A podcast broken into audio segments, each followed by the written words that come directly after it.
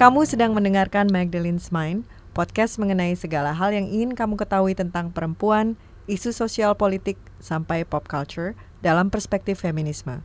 Saya Devi Asmarani. Dan saya Hera Diani. Ini adalah produksi Magdalene.co. Halo teman-teman, jumpa lagi dengan saya Devi Asmarani dan Hera Diani di Magdalene's Mind. Nggak berapa lama lagi kita akan menghadapi pemilihan presiden dan pemilihan anggota legislatif. Ya benar, uh, tepatnya tanggal 17 April kita bakal menggunakan hak suara kita tidak hanya untuk memilih presiden tapi juga nanti ada lima surat suara yang akan kita bawa untuk memilih uh, DPR apa anggota DPR, DPRD nah. provinsi, DPRD hmm. kabupaten, kota, terus uh, DPD RI. Banyak banget ya. Uh -uh. Udah tahu belum yang akan lo pilih? gue udah mulai lihat-lihat uh, beberapa sih tapi belum mutusin juga. Kalau lu gimana? Gue juga belum melakukan. I think gue akan melakukan ini last minute seperti melakukan PR. Tapi gue sih udah tahu kriteria orang-orang yang akan gue pilih. Ya, yang utamanya sih gue pingin orang yang punya track record uh, hmm. atau punya ketertarikan dalam eh, isu-isu uh, gender. Hmm gue hmm. agak trauma karena tahun 2014 gue melihat uh, gue serius tuh um, lihat semua rekam jejaknya uh, ya udah deh gue pilih satu aktivis ini gitu tidak nyana. Cepat sekali dia terpelosok dalam kasus. Dan gue diketawain lah sampai sekarang. Banyak sekarang, yang salah iya, kaprah gitu jadi juga gue ya. sekarang mau benar-benar lebih serius lagi milihnya Iya, tapi yang pasti sih uh, meskipun emang susah nyari untuk mm -hmm. DPRD 1 2 3 sampai DPD segala macam itu, tapi yang pasti memang gue ya pribadi gue merasa kita tuh harus milih iya, sih. Bener. Dari dulu semenjak gue pertama kali bisa voting gue sudah iya, memilih. Iya, sama. Walaupun memang pilihan-pilihannya kadang-kadang membuat agak menyesal tapi tapi uh, menurut gue kita penting sekali milih ini kan zamannya udah beda ya kalau waktu mm. Orde Baru mm. itu sikap politik tapi yeah menurut gue penting banget kita uh, untuk memilih. Tapi nggak semua ber, eh, berpendapat seperti ini kan, hmm, kan Her, iya. karena yeah. sekarang ini banyak juga um, apa kelompok-kelompok uh, yang menyatakan secara terang-terangan bahwa hmm. mereka golput dan itu adalah pilihan politik mereka. Dan ini jadi juga jadi pro dan kontra ya. Ada yang bilang ini bisa menghambat perkembangan politik perempuan, politik lah perkembangan hmm, demokrasi hmm. lah, termasuk juga politik perempuan yang kini uh, sedang kita coba galakan gitu, kita coba kuatkan. Tapi ada juga yang berargumen bahwa memang itu adalah ekspresi dari politik dan itu hmm. menunjukkan bahwa ya ini sikap kami bahwa demokrasi itu memang tidak uh, masih masih uh, apa namanya masih cacat gitulah hmm, ya. Ya itu memang hak sih dan itu menarik banget untuk dibahas lebih lanjut. Kebetulan di episode kali ini kita kedatangan tamu dari organisasi namanya Persatuan untuk Pemilu dan Demokrasi atau Perludem. Uh, namanya Nurul Amalia Salabi. Namanya Amel, itu panggilan akrabnya sehari-hari dan dia adalah salah satu peneliti dan jurnalis dari Perludem. Um, dia ini adalah lulusan dari Fakultas Sejarah UI uh, tidak dan tidak hanya aktif dalam isu pemilu saat ini juga, tapi dia juga tergabung dalam Forum Islam Progresif. Oke, jangan ke mana-mana dulu ya teman-teman. Segmen selanjutnya kita bakal lebih banyak membahas tentang seputar pemilu.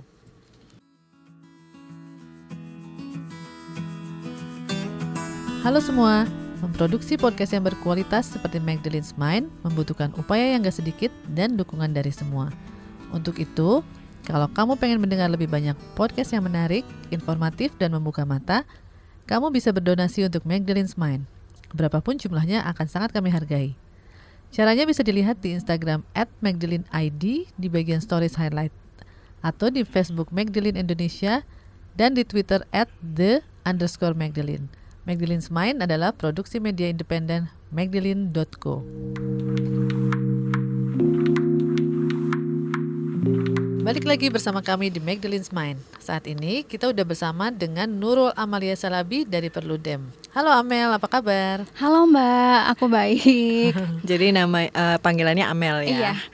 Um, kami mau nanya nih, yang pertanyaan pertama hmm. adalah apakah ada perubahan dalam tingkat partisipasi masyarakat dari masa ke masa pemilu sampai ke periode terakhir dan uh, kalau kita kan ngomongin tentang uh, pemilih perempuan, presentasi hmm. pemilih perempuan itu bagaimana sih selama ini? Oke okay, ya, jadi uh, kalau kita melihat data yang dikumpulkan oleh Harun Hussein, Harun Hussein itu adalah salah satu editor uh, majalah Republika uh, dari datanya menunjukkan bahwa dari pemilu 99 sampai pemilu 2009 da, sampai pemilu 2009 yang lalu itu uh, pemil, partisipasi pemilih di TPS itu uh, cenderung menurun. Tetapi kemudian di pemilu legislatif 2014 angkanya cukup meningkat. Jadi kalau hmm. di pemilu legislatif 2009 itu angkanya 70,9 persen Uh, kemudian di 2014 meningkat menjadi 75,1 persen itu secara umum, oh, tetapi okay. bukan uh, memotret untuk perempuan saja. Nah, kalau bicara soal perempuan sendiri, itu kita bisa merujuk pada um, penelitian dari CSIS bahwa memang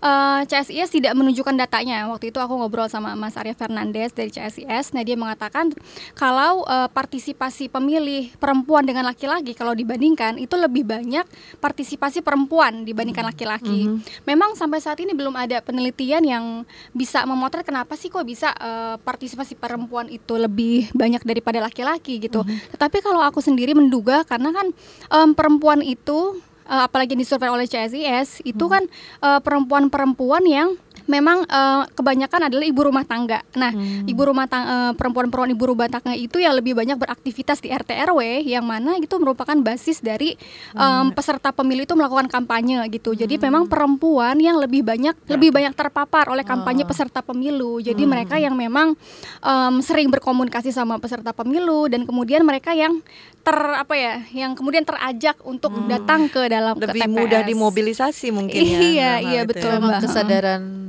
politiknya lebih besar atau gimana? Belum ada penelitian. Uh, untuk penelitian itu belum ada. Cuma memang kalau kita sandingkan dengan penelitian Perludem juga bersama dengan uh, Kementerian Pemberdayaan Perempuan dan pember dan uh, Perlindungan Anak itu memang dikatakan dari politisi-politisi yang uh, kami undang di FGD bahwa memang mereka mengelola basis massa yang itu dari pengajian ibu-ibu. Nah, itu biasanya memang um, di dari pengajian ibu-ibu terus kemudian dari apa PKK gitu. Itu yang itu mereka semua yang memang sering tersentuh oleh kampanye peserta pemilu. Hmm, jadi kalau uh, apa studi meneliti perilaku pemilih belum terlalu ada pemilih perempuan tuh belum terlalu ada ya? Kalau perilaku uh, ya kalau perilaku pemilih um, sebetulnya memang belum ada penelitian yang memotret perilaku mereka secara nasional gitu. Tetapi hmm. aku menemukan satu penelitian yang dilakukan oleh oleh Mbak Wiwi Widya Stuti dan Fitriani Yuliawati di Kota Banjar. Jadi meskipun ini memang lingkupnya lokal, tapi hmm. kita bisa tarik itu ke lingkup nasional hmm. karena memang um, apa namanya situasinya tidak banyak berubah di lokal hmm. dengan di nasional. Ini Banjar di mana nih? Jawa, di Kota Banjar, Jawa, Jawa Tengah. Jawa Tengah. Jawa Tengah. Okay. Nah, dari uh, penelitian mereka, mereka jadi me survei 100 responden pemilih perempuan. Hmm. Nah, hasil dari survei itu mengatakan bahwa sebetulnya 95% pemilih perempuan itu mempertimbangkan visi misi calon. Oh, okay. hmm. Dan 68% mereka menilai bahwa nggak masalah sih sebenarnya mau laki-laki laki atau perempuan, hmm. yang penting hmm. dia capable untuk menjadi caleg. Uh, ironisnya ternyata hmm. dari uh, 100 dari uh, 100 responden itu, hmm. 52% responden mengatakan bahwa pemilih kurang percaya terhadap perempuan caleg. Kenapa? Kenapa? Oh. Karena mereka menilai perempuan itu kurang bisa memimpin. Hmm. Dan 30% pemilih perempuan menganggap perempuan tidak cocok jadi pemimpin karena mereka kurang tegas dan terlalu lemah lembut. Oh. Hmm. Wow. Bahkan ada Ya, bahkan ada tujuh persen di antara mereka yang menganggap kalau perempuan itu lebih baik di rumah daripada berkarir. Hmm. Wow. Hmm. Nah, jadi sebenarnya hmm. kalau kita uh, ngomongin perilaku pemilih nggak bisa kita uh, salahkan pemilih sebe uh, seluruhnya gitu mm -hmm. karena sebetulnya perilaku pemilih ini adalah tanggung jawab partai politik. Mm -hmm. Partai politik yeah. uh, uh, salah satu fungsinya adalah mendirikan pendidikan politik kepada masyarakat. Nah, mm -hmm. kalau partai politik memang um, memiliki memiliki komitmen yang kuat dan tegas mm-hmm. untuk agar uh, perempuan-perempuan caleg itu bisa dipilih sama masyarakat, mm-hmm. seharusnya dia sudah dari jauh-jauh hari memberikan pendidikan politik kepada masyarakat, terutama saat dia tahu di dapil di suatu dapil perempuan calegnya akan turun gitu. Mm-hmm. Perempuannya akan bertarung dengan um, laki-laki caleg yang lain gitu. Mm-hmm. Nah, tetapi um, berdasarkan penelitiannya Perludem, jadi di situ ada FGD dan um, dan perempuan-perempuan politisi dari semua partai politik itu mengatakan bahwa memang susah juga untuk turun ke masyarakat mm -hmm. gitu. Kenapa? Karena ini bisa disambungkan dengan penelitian uh, namanya Andrew Garner. Mm -hmm. Jadi dia meneliti di Pilkada 2017 lalu soal um, perilaku pemilih terhadap politik uang. Jadi kalau perempuan itu kan memang dia uh, rata-rata nggak punya modal ekonomi yang besar ya. Nah sementara um, Andrew menemukan bahwa pemilih kita ini punya pandangan kalau pemimpin itu yang baik itu yang dermawan gitu, oh, yang ngasih iya. uang, yang ngasih sembako, mm-hmm. yang ngasih uh, jilbab segala macam saat mereka turun ke masyarakat mm-hmm. gitu. Nah, sementara perempuan ini memang kesulitan. Mereka mm-hmm. memang uh, hampir semuanya mengatakan kesulitan untuk bisa turun ke masyarakat karena mereka tidak punya modal um, ekonomi yang besar mm-hmm. begitu. Mm-hmm. Wow. Ya. Um, ini kan uh, sudah beberapa pemilu terakhir ini sudah ditetapkan hmm. uh, kuota untuk uh, ini hmm. ya caleg perempuan uh, saat ini masih 30 persen ya. Iya. Nah, um, tapi yang seperti dalam kenyataannya susah sekali bagi perempuan untuk uh, bisa bertarung di dalam uh, pemilu ini. Tapi uh, pertanyaannya adalah seberapa besar sih, seberapa pentingnya sih mm-hmm. memilih seorang caleg perempuan, uh, caleg perempuan ya di dalam iya. pemilu. Yeah. Mm-hmm. Ya, menurutku penting sekali. Mm-hmm. Kita bisa berkaca dari um, RUU PKS ini, kan uh, ramai-ramai itu agenda gerak uh, gerakan perempuan ingin parlemen itu uh, bisa segera mensahkan RUU PKS atau penghapusan kekerasan seksual. Tapi kemudian karena sedikitnya jumlah perempuan yang mengawal um, isu ini di parlemen langsung gitu, mm. kita jadi ada missing link gitu. Ini sebenarnya RUU ini nih udah sampai mana sih hmm. gitu. Nah, jadi memang kita butuh ada uh, banyak par, uh, ada banyak perempuan di parlemen untuk menjaga um, agar kebijakan-kebijakan kita tidak bias gender dan tidak hmm. uh, memarginalis tidak memarginalisasi perempuan dan juga tidak seksis juga gitu. Nah, hmm. uh, Mbak Oh ya, uh, tadi perempuan juga kan sebenarnya dari penelitian tadi itu ada 90% mempertimbangkan visi misi dan 68-nya hmm. adalah tidak masalah sebetulnya mau hmm. laki-laki atau yeah, perempuan yang penting betul. capable gitu. Uh, hmm. Nah, uh, karena ada angka itu sebenarnya cukup besar ya. Hmm. Nah, ini makanya pertanyaan kemudian kita um, kita berikan kepada perempuan calegnya gitu. Nah, karena kan uh, pendidikan par, uh, pendidikan dari dari partai politik kepada caleg perempuan itu sebenarnya udah sejauh mana sih gitu? Mm-hmm. Apakah perempuan sebelum dia turun ke masyarakat memang sudah dibekali oleh uh, peningkatan kapasitas gitu? Oh, kan kita juga mau tahu kan perempuan caleg saat dia turun ke masyarakat, saat dia menyapa konstituennya sebenarnya sudah mem, apa namanya sudah menampilkan diri mereka itu punya kapasitas mm-hmm. gak sih? Atau jangan-jangan mereka pada saat menyapa konstituennya mereka juga masih bingung hmm, gitu masih atau mereka ya, iya dan tidak punya kemampuan sama sekali hmm, ya. betul mbak jadi kan memang kita juga um, bertaruh pada kualitas si perempuan ini hmm. kan pada saat mereka uh, turun ke konstituen gitu hmm. Ya sebetulnya memang kalau uh, menagih kualitas perempuan saja kan itu tidak adil. Kita hmm. juga harus mempertanyakan kualitas dari uh, laki-laki uh, caleg itu sendiri gitu. Ya, Tapi memang um, soal perempuan caleg ini dia memang um, harus menunjukkan kalau um, bahwa perempuan itu tidak bisa memimpin, bahwa perempuan itu terganjal oleh rahimnya, kalau um, memimpin segala macam itu adalah mitos belaka gitu. Mm -hmm. Dialah yang memang harus um, menampilkan dirinya kalau dia kapa, uh, capable untuk menjadi pemimpin. Mm -hmm. Nah, kalau misalnya uh, seandainya dalam uh, apa daftar caleg itu nggak ada mm -hmm. uh, katakanlah nggak ada caleg perempuan, yeah. terus iya. nggak ada caleg perempuan yang cukup mumpuni. Mm -hmm. Dan uh, caleg laki-laki pun masih belum terpapar iya. perspektif yeah. gender. Jadi kita uh, pilih yang mana nih? Iya iya, itu sebenarnya pilihan sulit yang kayak tadi juga.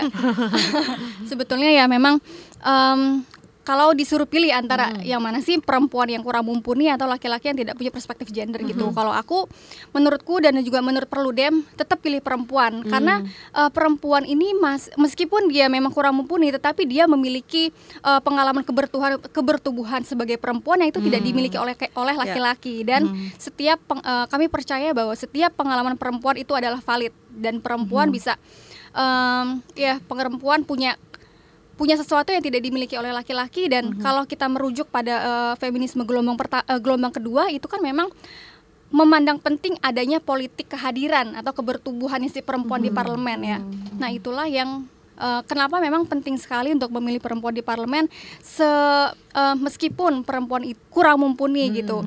Nah, lagi pula kalau misalnya perempuan ini kurang mumpuni, Mbak, di parlemen itu ada kaukus perempuan hmm. uh, parlemen Indonesia. Kaukus inilah yang akan menyambungkan perempuan parlemen terpilih dengan gerakan agenda gerakan perempuan gitu. Ah, Karena seperti uh, koalisi perempuan Indonesia KPI itu sudah punya sambungan dengan KPPA kemudian dengan uh, KPPI itu sendiri gitu. Nah, inilah uh, ruang atau wadah di mana kita bisa menyambungkan agenda gerakan politik perempuan dengan perempuan-perempuan yang ada di parlemen sekalipun mm-hmm. mereka memang terpilih dengan uh, perspektif gender yang kurang baik atau kurang mumpuni hmm. gitu. Dan uh, meskipun mereka masuknya tidak punya kapasitas, tapi kan hmm. kan selama dia lima tahun tuh kita berharap dia yeah. ya kalau disambungkan dengan hmm. yang tepat, yeah. apa bisa tumbuh ya terus yeah, sebagai benar.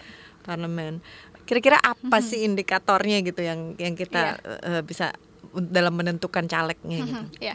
Jadi uh, kan sebenarnya sudah banyak platform-platform kayak Perludem juga mengeluarkan platform namanya pintarmemilih.id. Hmm. Nah, di situ pemilih bisa mengakses platform kita, kemudian mereka bisa uh, melihat data diri caleg. Nah, di situ juga ada motivasi caleg, ada visi misi mereka, ada target, ada sasaran. Nah, pemilih bisa melihat sebenarnya um, apa namanya uh, pemi uh, perempuan caleg mana sih yang sudah punya perspektif yang baik gitu. Nah, kalau misalnya um, ya selain platform pintar memilih ID ini juga ada platform namanya Jari Ungu. Nah, Jari Ungu ini ada filter, ada fitur filter. Jadi, kita bisa memfilter misalnya kita mau pemilih perempuan saja. Jadi, kita pilih uh, filter perempuan, kemudian pakai filter kedua misalkan kita mau um, caleg perempuan yang usianya di bawah 35 tahun hmm. gitu. Nah, itu kita bisa. Jadi uh, sudah ada banyak platform di mana pemilih bisa kemudian memilih perempuan caleg yang mem yang setidaknya menyematkan nama perempuan di dalam visi misi mereka hmm, begitu. Ya, ya. Kalau Perludem sendiri sih mer lebih merekomendasikan pemilih untuk memilih um, perempuan caleg yang dia adalah representasi dari gerakan perempuan. Hmm. Karena seperti KPI itu kan sudah ada um, kata Mbak Dian kurang lebih ada 202 perempuan caleg yang merupakan uh, hasil dari binaan KPI gitu.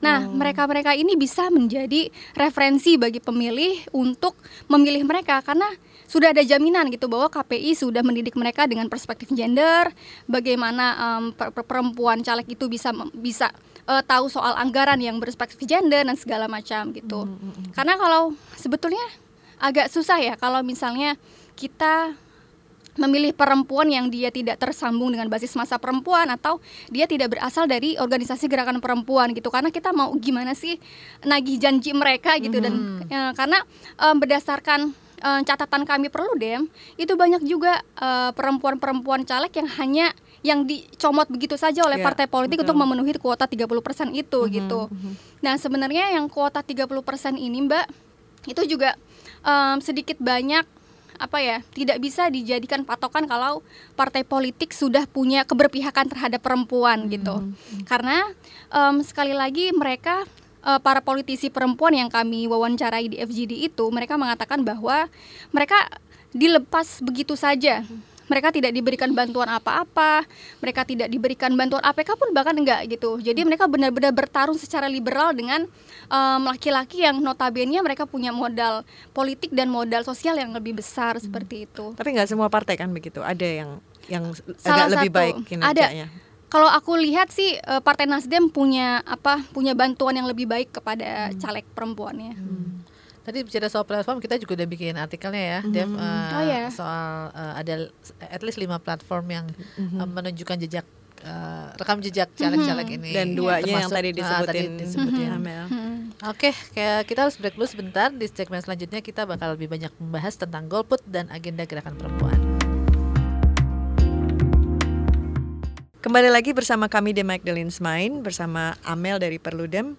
Tadi kita banyak sekali membahas tentang partisipasi politik mm -hmm. masyarakat dan di setiap pemilu selalu ada kelompok masyarakat yang terang-terangan menyatakan golput jadi golongan putih ya. Termasuk pemilu tahun ini artinya yeah. mereka tidak memilih untuk tidak memilih. Mm-hmm. sebenarnya apa beda kelompok yang mengidentifikasikan diri sebagai golput dibandingkan dengan orang-orang yang tidak memilih karena alasan lain? Misalnya karena akses atau ketidaktahuan politik. Mungkin bisa dijelaskan juga nggak mm-hmm. sejarah golput itu sendiri dan signifikans uh, signifikansinya dalam sejarah politik Indonesia gitu? Iya baik ya jadi kalau mem, uh, membicarakan soal golput, kalau uh, Perludem sendiri menggolongkan golput itu ke dalam empat jenis. Yang pertama ada golput politis, lalu golput apolitis, golput teknis dan administratif, juga golput karena negara tidak mengakomodir mereka karena mereka tidak punya KTP elektronik. Nah, kalau yang uh, tadi um, Mbak Devi bicarakan gitu hmm. soal yang mereka tidak uh, mereka golput karena soal sistem dan segala macam gitu. Um, sebenarnya memang kalau pilihan dari golput politis ini udah nggak bisa dirubah deh kalau menurut kami gitu ya Mbak.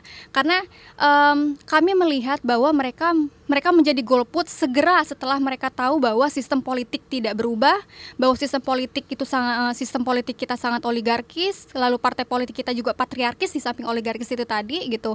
Dan sistem pemilunya juga tidak memberikan afirmasi yang berarti bagi perempuan gitu. Eh, termasuk teman-temanku juga banyak yang menjadi golput eh, golput politik eh, golput politis ini. Nah, bedanya dengan golput yang apolitis, mereka biasanya menjadi pemilih karena mereka nggak tahu eh, rekam jejak calegnya itu seperti apa gitu. Mereka tidak terpapar oleh informasi-informasi mengenai kepemiluan seperti yang em, orang-orang seperti eh, saya yang menjadi pegiat pemilu itu terpapar oleh informasi itu gitu. Nah, makanya kalau dengan golput em, politis ini mungkin udah susah dirubah gitu karena memang kehadiran mereka juga tidak bisa kita pandang hi- eh, serba hitam putih gitu karena eh, karena sebetulnya pilihan golput itu di dalam Indonesia justru mereka didiskriminasi karena golput ini kan- ini sendiri kan adalah salah satu bentuk ekspresi politik ya Mbak. Nah kalau di negara seperti em, Kanada dan juga negara lain yang saya lupa pokoknya ada beberapa negara yang yang menerapkan non of the above atau nota. Nah, kalau misalkan saja surat suara kita itu punya instrumen yang namanya nota itu, pasti deh eh, semua pemilih nggak bakalan golput gitu. Kalau eh, di surat suara kita ada nota, em, saya rasa pemilih-pemilih yang sekarang golput apolitis itu juga akan datang ke TPS gitu. Mereka mungkin akan memilih eh, nota itu sebagai evaluasi mengkritik partai politik dan kandidat-kandidat yang disediakan oleh partai politik itu sendiri gitu. Nah, karena eh, karena eh, pilihan nota ini tidak ada dan Perludem sebetulnya mau eh, mengakomodasi atau eh, mengadvokasi sebetulnya mengadvokasi pilihan nota ini di eh, pemilu yang akan datang kalau memang undang-undang pemilu kita tetap eh, terus-terusan menutup ruang untuk adanya politik alternatif tetapi itu di pilpres. Tetapi kalau di pileg sebetulnya menjadi golput eh, golput politis di pileg itu tidak terlalu relevan apalagi untuk orang atau apalagi untuk orang-orang yang berkecimpung di dalam gerakan perem- politik perempuan. Kenapa? Karena kalau di eh, di Pilpres itu tidak ada memang afirmasi terhadap perempuan sama sekali. Ambang batas pencalonan presiden 25% itu sangat menyulitkan peran, eh, peran perempuan untuk dicalonkan oleh partai politik gitu. Karena selain dia harus meyakinkan partainya untuk dicalonkan, dia harus meyakinkan partai lain yang akan berkoalisi dengan partainya untuk bisa dicalonkan gitu. Beda dengan di Pileg. Nah, di Pileg ini sebetulnya kebijakan afirmasi kita sudah berganda, Mbak. Yang pertama ada 30% kota perempuan yang sebetulnya itu patut sangat kita apresiasi. Kenapa? Karena peremp- tidak hanya perempuan yang dekat dengan kekuasaan lagi yang bisa dicalonkan, tetapi juga perempuan-perempuan yang memang kader-kader partai yang mereka mumpuni begitu. Tadi Amel uh, mention soal none of the above uh, atau uh, pilihan nota di kertas suara di beberapa negara. Apakah itu memang berdampak uh, pada kebijakan partai politik atau pada politik? Hmm. Ya, jadi Mbak kalau em, di negara seperti Kanada itu eh, pilihan non of the above itu menjadi evaluasi bagi partai politik gitu. Jadi jelas kalau di Indonesia kan em, sebetulnya em, mereka eh, para golput politis ini berharap kalau em, angka golput yang tidak datang ke TPS dan tidak memilih itu adalah em, potret dari em, kegagalan partai politik gitu. Tetapi kan kita tidak bisa secara langsung eh, mengatakan itu adalah representasi golput politis gitu. Kenapa? Karena angka ini bercampur dengan angka eh, golput yang eh, apolitis, golput yang tidak bisa memilih karena mereka memang terganjal oleh perkara administrasi dan teknis gitu.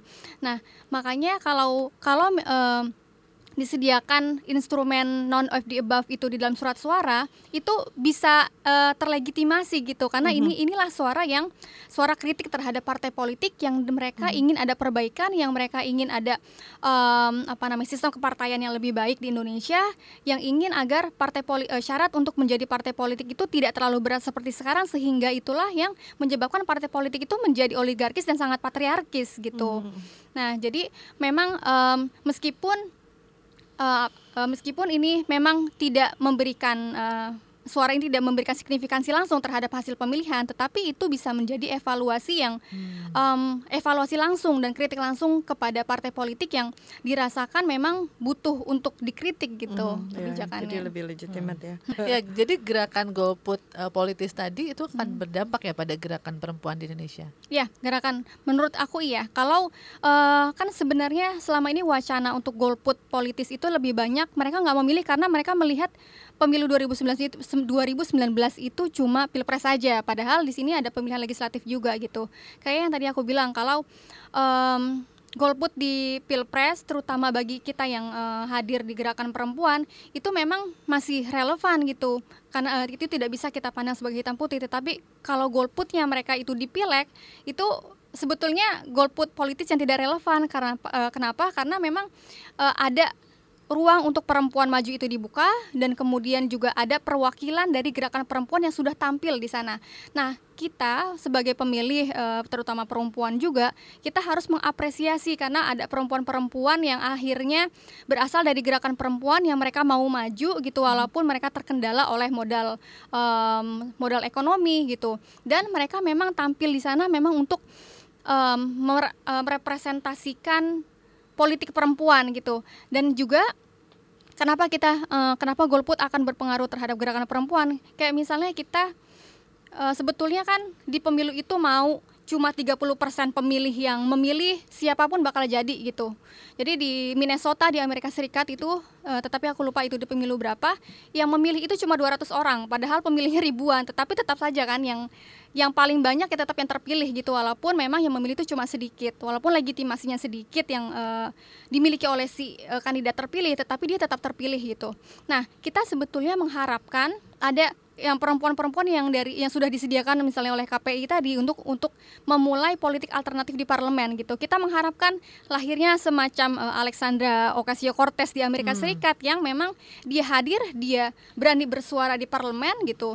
Dan ya itu bisa itu semua bisa kita eh, bisa kita mulai dengan kita memilih perempuan yang memang dia tersambung dengan agenda gerakan politik perempuan atau dia punya basis organisasi perempuan. Dibandingkan kita tidak memilih eh, perempuan atau kita memilih golput di pileg, itu menurut saya sangat merugikan gerakan perem- eh, gerakan perempuan. Karena semestinya gerakan politik perempuan itu bisa beyond dari impian untuk kita punya politik alternatif di baik di pilpres maupun di pileg gitu. Jadi meskipun kita eh, mimpi punya politik alternatif yang lebih baik gitu, tetapi gerakan perempuan nggak boleh stuck di situ gitu. Ya. Angka perempuan di parlemen harus terus eh, meningkat. Kemudian em, apa kebijakan afirmasi itu me- memang mesti menunjukkan kalau dia mampu menghadirkan perspektif perempuan di parlemen dan segala macamnya itu. Hmm, Dan itu juga seperti kita menyia-nyiakan perjuangan para Iya. apa namanya gerakan perempuan Mhm. 10 15 tahun lalu ya Iya, untuk memperjuangkan betul. kuota ini ya Mhm, maksudnya. mhm. Nah, ini eh, nanti ke segmen berikutnya nih kami ingin bicarakan tentang itu juga sih gimana Mhm. sih sebenarnya representasi perempuan di parlemen yang ada Iya, iya. apakah itu ter terrefleksikan dengan agenda agenda agenda Mhm, mhm. parlemennya dan juga mungkin eh, apa sih eh, tantangannya sendiri bagi para politisi perempuan ini. Balik lagi ke Magdalene's Mind bersama Amel dari Perludem. Em, tadi kita sudah ngomongin tentang eh, golput dan kenapa kita kalau bisa jalan golput terutama Iya. untuk ini ya parlemen ya. Eh, tapi perempuan sendiri porsinya di parlemen masih belum apa namanya perannya masih belum maksimal ya. Eh, meskipun ada kaukus perempuan tadi em, yang yang sudah pasti adalah kebijakan affirmative action itu yang 30% kuota itu masih belum em, membuat atau menguatkan agenda politik untuk perempuan Iya. yang memprioritaskan kepentingan perempuan di Indonesia. Sebenarnya apa sih kesulitannya? Em, apakah karena memang angkanya masih kecil atau memang yang ada itu juga tidak efektif eh, atau mereka tidak punya gigi gitu di di dalam perpolitikan Indonesia yang masih sangat eh, patriarkis atau masih maskulin gitu iya, ya ini ya orientasinya. Ya, gitu. betul sekali, Mbak. Sebetulnya jawabannya dua-duanya, Mbak. Jadi memang eh, alasan pertama em, perem- po- eh, politik perempuan itu kurang bergigi di parlemen adalah karena memang jumlah mereka itu masih kurang. Kita belajar dari Undang-Undang Pemilu yang eh, tahun 2017 ini, nomor 7 2017. Ya, eh, aku selalu hadir dalam rapat-rapat pembahasannya gitu dan jumlah perempuan yang em, apa ter- yang menjadi tim perumusnya itu hanya tiga orang ada jadi hanya tiga orang dari Golkar itu Bu Hetiva yang kemudian uh, setelah RU itu RU setelah undang-undang pemilu itu rampung kemudian dia pindah ke komisi lain gitu. Hmm. Lalu ada Bu Siti Masrifa dari PKB dan satu lagi um, dari PDIP. Aku lupa namanya siapa, cuma dia cuma memang cuma bertiga gitu. Nah, jadi um, karena kurangnya mereka untuk mengawal kebijakan-kebijakan um, yang kita harapkan pro perempuan gitu jadi uh, mereka kekurangan. Nah, ibu salah satu ibu dari Partai Demokrat namanya Bu Alia itu uh, pernah bilang ke saya waktu di forum uh, penelitian Perludem bersama KPPPA. Dia mengatakan bahwa kita itu dikomplain saat kita cerewet minta agenda politik perempuan yang lebih baik gitu. Karena um, waktu di pembahasan RUU pemilu kan parlemen itu mengundang banyak ya cukup uh, parlemen mengundang cukup banyak gerakan perempuan ke parlemen gitu. Mereka minta masukan apa sih yang mau diminta sama perempuan. Nah, di situ perempuan minta ada reserve seat.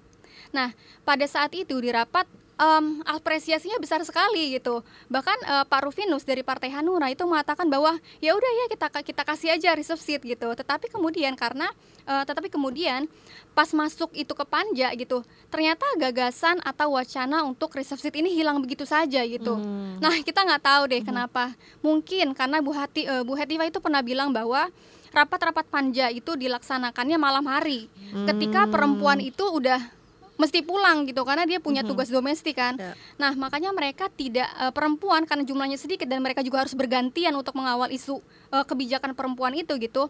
Dan kemudian ada sepertinya saya curiga kalau yang reserve seat itu diputus pada uh, pada rapat panja di saat perempuannya itu nggak ada. Hmm. Karena uh, kita oh, juga nggak tahu. Jadi pada hmm. saat rapat di mana situ ada perempuannya itu hmm. Mereka mengapresiasi tapi kok bisa hilang gitu. Hmm. Pen, uh, ya wacana ini kenapa bisa hilang? Nah itulah membuktikan bahwa kita butuh ada perempuan yang cukup yang cukup banyak untuk hmm. mengawal kebijakan-kebijakan yang pro kepada perempuan itu sendiri. Hmm. Nah kemudian ada uh, aku ingat juga Ibu Irma Suryani itu mengatakan bahwa dari sedikitnya jumlah perempuan yang ada di parlemen itu pun sedikit yang sering ngomong. Nah, hmm. biasanya perempuan yang vokal, Ibu Hetifah kan termasuk perempuan yang vokal sebetulnya. Nah, perempuan-perempuan vokal ini adalah mereka yang memang punya yang mereka merupakan kader partai sudah lama, uh -huh. mereka tersambung dengan garis massa, mereka tersambung dengan gerakan perempuan. Sementara perempuan-perempuan yang biasanya diem gitu di rapat-rapat yang kita nggak pernah dengar namanya di media segala macam itu adalah perempuan-perempuan yang bisa terpilih karena mereka punya hubungan kekerabatan dengan elit gitu. Hmm. Karena kan partai itu juga kesulitan sebetulnya yeah. cari uh, apa namanya cari perempuan caleg yeah. ya. Hmm. Ini pun juga sebenarnya karena kesalahan partai juga gitu hmm. mbak. Karena kalau dari uh, eh, FGD itu uh, aku menangkap bahwa uh, sedikitnya kader partai perempuan yang mau dicalonkan jadi anggota legislatif itu memang karena mereka terlalu sering dikerjain sama partai gitu. Hmm. Jadi perempuan-perempuan yang sudah apa namanya yang sudah ditugaskan untuk mengelola dapilnya terus dia dijanjikan di nomor urut satu tetapi kemudian ketika ada uh, calon legislatif yang dipikir partai itu lebih punya elektabilitas yang lebih baik, lalu kemudian nomor urut satunya dilepas hmm. gitu. Hmm. Padahal si perempuan ini sudah dari lama mengolah dapilnya, tetapi kemudian uh, lepas begitu saja gitu dengan adanya um, perempuan caleg yang baru yang dirasa lebih mumpuni untuk bisa meraup suara buat partai politik. Ya. Terus bagaimana dengan itu seperti selebritis gitu ah, yang iya. itu kan uh-huh. untuk vote getter ya. Kemudian mereka ya uh, banyak juga yang akhirnya terpilih karena mereka iya, memang betul. populer. Apakah di dalam parlemen ada perubahan? Hmm. Apakah ada dari mereka yang maksudnya menjadi baik atau baik itu maksudnya berkompeten berkompetensi ya dan iya mampu menavigasi inilah politik parlemen ini atau kebanyakan ya itu tadi seperti yang dari keluarga elit tadi. Iya. Mm. Sebetulnya kalau uh, memilih uh, kalau kita memandang apakah artis-artis perempuan ini hmm. memang mumpuni atau enggak gitu. Kita um, aku belum aku belum mengamati secara semuanya sih. Cuma ada beberapa artis-artis seperti uh, Rike Dia Pitaloka itu kan dia sangat mumpuni sebetulnya. Dia vokal, dia punya uh, basis masa buruh ya kan. Kemudian uh, Oki Asokawati juga menurutku dia cukup orang yang cukup vokal mm-hmm. yang um, apa namanya pemikirannya bisa kita saksikan dia ada banyak di dalam uh, terekam di dalam media-media gitu. Dan kalau kita mau uh, memeriksa soal apakah perempuan uh, perempuan-perempuan itu aktif, kita bisa buka um, wikidpr.org. Memang mm-hmm. itu terfokus sama petahana sama petahana uh, anggota DPR RI sih, tetapi dari situ kita bisa melihat sebetulnya perempuan mana sih perempuan yang punya latar organisasi kah, perempuan yang asal munculkah gitu, mm -hmm. perempuan yang instankah yang kemudian banyak berbicara di DPR. Nah, seperti jadi latar belakang perempuan seperti apa yang kita butuhkan yang bisa mengawal kebijakan agenda uh, kebijakan dan agenda politik perempuan di parlemen. Hmm. Nah, kalau dari segi partai politik gimana nih biar kita bisa mendorong mm -hmm. mereka untuk menguatkan kader-kader perempuan mm -hmm. dan biar nggak cuma jadi vote getter atau uh, apa memenuhi kuota tadi? Iya.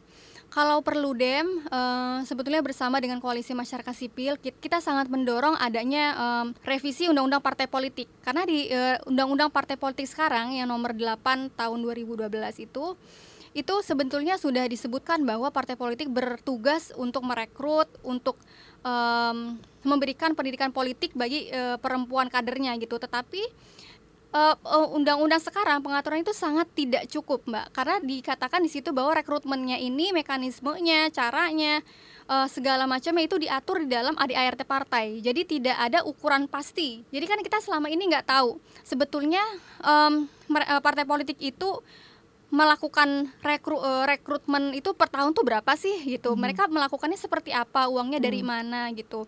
Nah, kemudian juga dari seleksi caleg juga ini yang sebetulnya ketiadaan peraturan yang jelas ini di dalam undang-undang partai politik itu yang menyebabkan posisi perempuan kader itu banyak dirugikan gitu. Karena um, kalau kita periksa sebetulnya kan kita nggak tahu mekanismenya. Sebetulnya siapa sih yang bisa dicalonkan sebagai anggota legislatif gitu? Siapa yang menyeleksi? Di mana seleksinya? Apakah semua kader bisa berpartisipasi? Dan apakah mereka bisa melihat proses um, seleksinya? Dan kemudian siapa yang pada akhirnya bisa ditempatkan di nomor urut 1, 2, 3, 4, 5, 6 gitu? Itu semuanya tertutup gitu. Nah kita hmm. ingin di partai uh, di undang-undang partai politik di revisi nanti itu bisa ada pengaturan yang jelas yang terstandarisasi yang mesti dipatuhi oleh semua partai politik mengenai seleksi, mengenai rekrutmen dan juga mengenai pendidikan politik itu tadi. Hmm. Ada itu nggak apa petisi atau apa kayak gitu ya biar kita bisa membantu oh, iya. mendorong gitu kan civil society juga susah juga maksudnya karena sering sekali tidak dilibatkan yeah. ya iya, dalam iya, proses-proses yeah, apa namanya like Nah itu gimana sih caranya kita sebagai yeah manusia Leme. biasa. ya. Kita uh, mengajak sih sama-sama karena ini kan sebetulnya menjadi kepentingan kita bersama gitu ya. Sebetul uh, ya mengenai uh, revisi undang-undang partai politik ini adalah wacana yang udah di udah didorong-dorong dari dahulu kala gitu. Mm. Karena kita tahu ada banyak permasalahan di dalam uh, undang-undang partai politik ini gitu. Partai politik tidak tidak secara rigid mengatur apa-apa yang memang kita butuhkan seperti yang tadi saya sebutkan tadi seleksi, rekrutmen, pendidikan partai gitu. Nah, kemudian soal pendidikan partai politik juga kita kan um, partai politik sekarang menerima bantuan uh, ban parpol itu seribu per suara yang mereka dapatkan dari hasil pemilihan.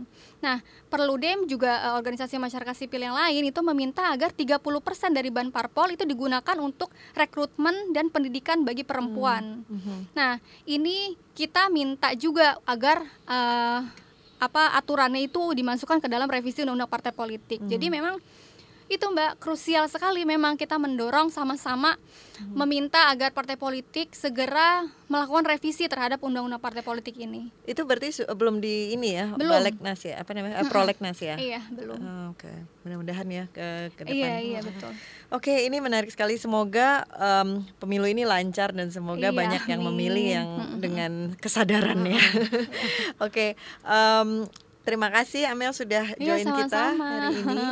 um, jangan kapok datang lagi. Oh. Nanti kan kami di episode berikutnya ya, dua minggu lagi kita bakal ngomongin tentang iklan dan bagaimana saat ini iklan dan perspektif gender. Sampai jumpa dua minggu lagi feministas. Bye.